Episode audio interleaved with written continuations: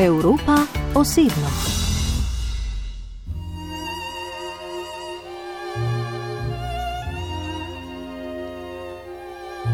Sous le toit de Paris, dans la chambre de Nini, ils s'aimaient, c'est si bon d'être unis.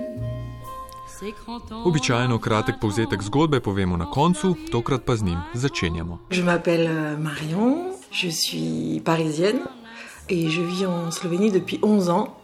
Je suis journaliste euh, musique. Je travaille euh, ici pour la télévision nationale française. Marion Fukar, torej naša gostja, znanjem kakšne besede francoščine ste jo verjetno razumeli, drugače zdaj le sledi nekoliko daljša zgodba v slovenščini.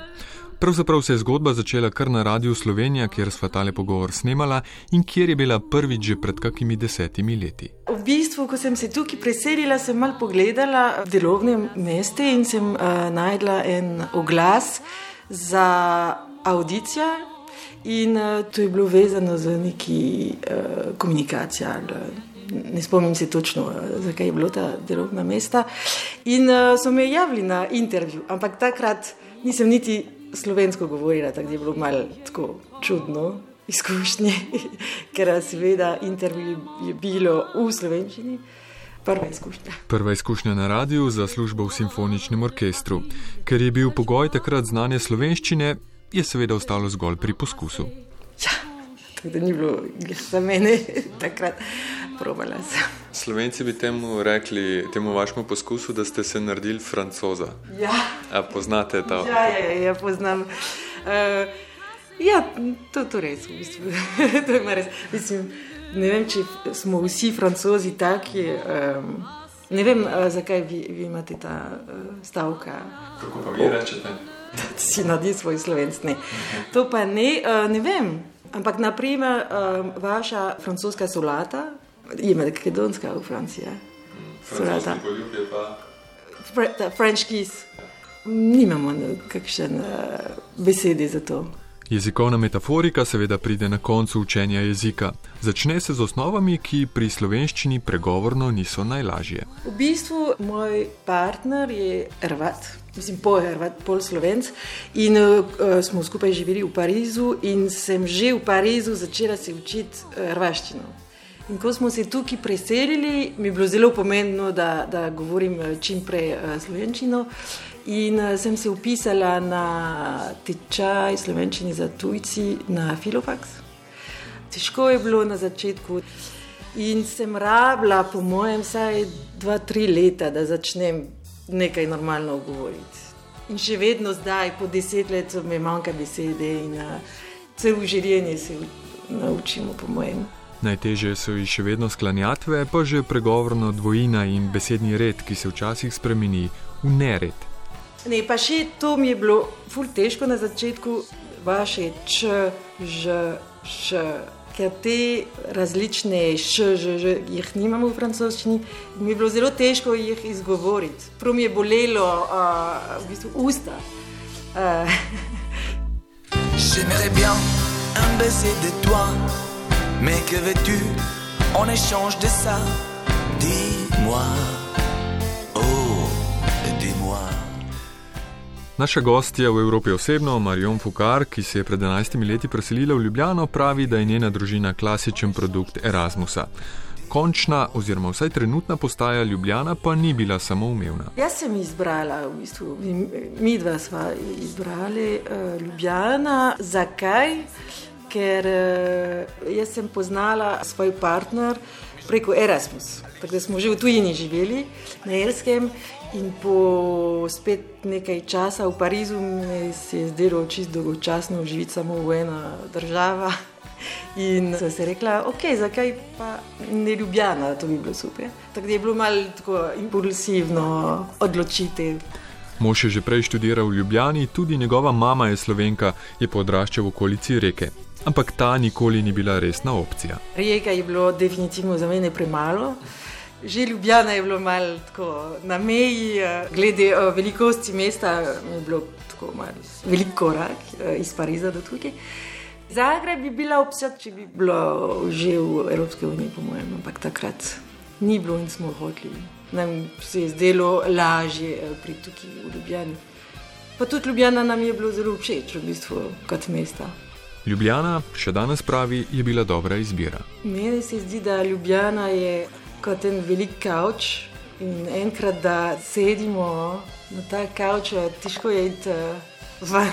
Vse je tako lahko urejeno, narava okrog. Pogosto se Marion Foucault čudi slovencem, ki tarnajo nad neurejenostjo in birokracijo, pravi, da bi morali za nekaj časa oditi živeti v Pariz. Njena družba tukaj je sicer pretežno slovenska, francoska bolj poredko, čeprav francozov pri nas ni malo.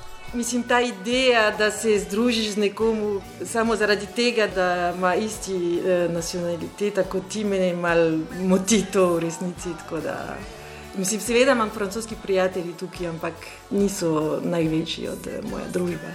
Se mi zdi tudi, da če živiš v eno državo, ki ni tvoje cilje, da, da živiš z skupnosti, ja, seveda. V Sloveniji zdaj živi že 11 let, naša kultura je posvojila za svojo in tukaj se odlično počuti. Prideš doma v Franciji, nisi več francozinja, čist drugačna kot drugi, in, ampak še vedno tukaj nisi, nisi. Jaz ne morem reči, da sem prava slovenka, ker nisem. Tako da um, ugotoviš, da v bistvu sploh ni zelo pomembno v resnici, če si slovenka ali francozinja. Meni se zdi, da ko imaš ta izkušnje živeti v tujini in vsi te nacional, nacionalitete in vse to, to, je, to ni več pomembno, to ni več. Jaz se počutim kot evropska, ne vidim uh, meje. Ultimativna meja, da je nekdo postal tako slovenski kot so slovenci, pa je za tujca to, da posvoji tradicijo nošenja copat. No, to se naši gosti še ni zgodilo. Pravi, da nas delno razume, še vedno pa si vse skupaj zdi nezaslišeno. To res mi je uh, najgrozna stvar, da sem videla v Sloveniji, po mojem. Ne vem, v Franciji zelo uh, vabimo doma in uh, če vabiš nekoga doma, pa da si v copati, to pomeni, da, da jih ne želiš, da greš spat. V bistvu moraš imeti čevlje, pa biti lepo uh, oblečen. Da piješ kozarec vina, pa da si v copati, mi je to res ne zelo elegantno. Ko sva z Marijo že omenjala vino. Še ene naše kulturne razlike ne razume. Ja, hrana. Jaz zelo pogrešam francoska hrana, sir, kruh, ko grem v Francijo, jaz uh, jem deset dni, tako uh, vse, kar, kar je možno. In um, francozi, mi smo zelo, malo preveč obsedeni na hrano. Mislim, uh, mi samo razmišljamo in govorimo o hrani, kaj bomo jedli, kdaj. In to je neki obsesija. Tudi uh, tukaj um, je bilo, zdaj je v redu, ampak je bilo vedno čudno, da vi nimate čas za kosilo ali večerja. To je vedno od, odvisno od tega, kaj imate za delati čez dan. Mislim, lahko je kosilo ob enih, lahko je ob petih. Jaz sem obsedena na urnik glede hrane. Če so francozi obsedeni s hrano, pa z eno stvarjo, za razliko od slovencev, niso. Slovenija je veliko bolj otrokom prijazna država od Francije, od ponudbe otroških prireditev do samega varstva. Franciji, vsaj v Parizu, otroke vzgajajo varuške, starši delajo še pozno popovdne, pravi Marion. Slovensko razmerje služba družina se ji zdi optimalno. Kar se družine tiče, je sicer že bolj slovenka kot francozinja. Ja, ja, ja se, se veliko ukvarjamo z našimi otroci tukaj. Tudi na primer, mislim. Okay, to, to je malo čala, ampak v vrtec, čim prej otrok malo se slabo počuti ali pa začne imeti temperaturo, tako je vam pokličijo in takoj moramo iti jih uh, vzeti. In pol morajo biti deset dni doma, in to je to. V Franciji je čisto drugače. V Franciji dajte malo paracetamol in uvrtec, in to je to. Dva ekstrema, torej, tako kot denimo s porodniškimi odsotnostmi. Njena dvakratna izkušnja pravi tako. Porodniško, ki je čisto kratko, imamo dva in pol meseca po porodu, to res ni, ni veliko. In pa moraš dati dojenček tri mesece, že v vrtec, eh, to je malo tako preveč. Ampak tukaj v Sloveniji pa je čist kontra ekstrema. Se mi zdi, da eno leto porodniško, ko si ženska, za kariero, to je zelo problematično, se mi zdi. Eno leto doma je res veliko. In za konec tega le čveka s francozenjo Marion Foucault, še o njenem delu in poklicu, ki ga je omenila že v francoskem nagovoru na začetku. Je namreč glasbena novinarka in urednica, že 13 let dela za francosko nacionalno televizijo.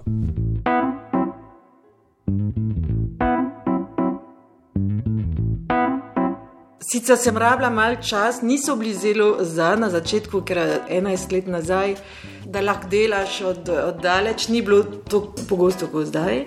Ampak po neki času so rekli, da ja, mi je bilo lažje, mislim, mi je bilo glede, glede službo, da sem lahko prid tukaj, ker nisem nič izgubila, mislim, tako sem imela službo. Tako trikrat na teden v jutranjem programu pripravlja tekste za oddajo glasbenih novosti na francoskem trgu. Slovenske glasbe seveda ni vmes. Če bi bila, oziroma ko nekoč bo, tudi po zaslugi naše gostje Marion Foucault, bodo vmes gotovo Lajbahi. To je pa že bolj ali manj to, kar francozi poznajo. Sama bi od slovenske glasbe sicer izbrala tole. Jaz bi izbrala verjetno Magnifico, Zara in Gaška, ampak so že, so že bili na Erosong. Ero ta duo, tudi Silence, bi bilo tudi, po mojem, en dober uh, primer slovenske glasbe. Pa tudi mladi bendi. Jaz zdaj poslušam en bend, ki se imenuje Kako si, ali kako si. Za tako no, nova cena, nova, nova cena. Ona je bila še bolj fina, očina, posladka, otrina, zlata, penina, bolj opojna od ostalih alkoholov, seksi, mix, duro in molo ko grajiena, atver dvar burrito.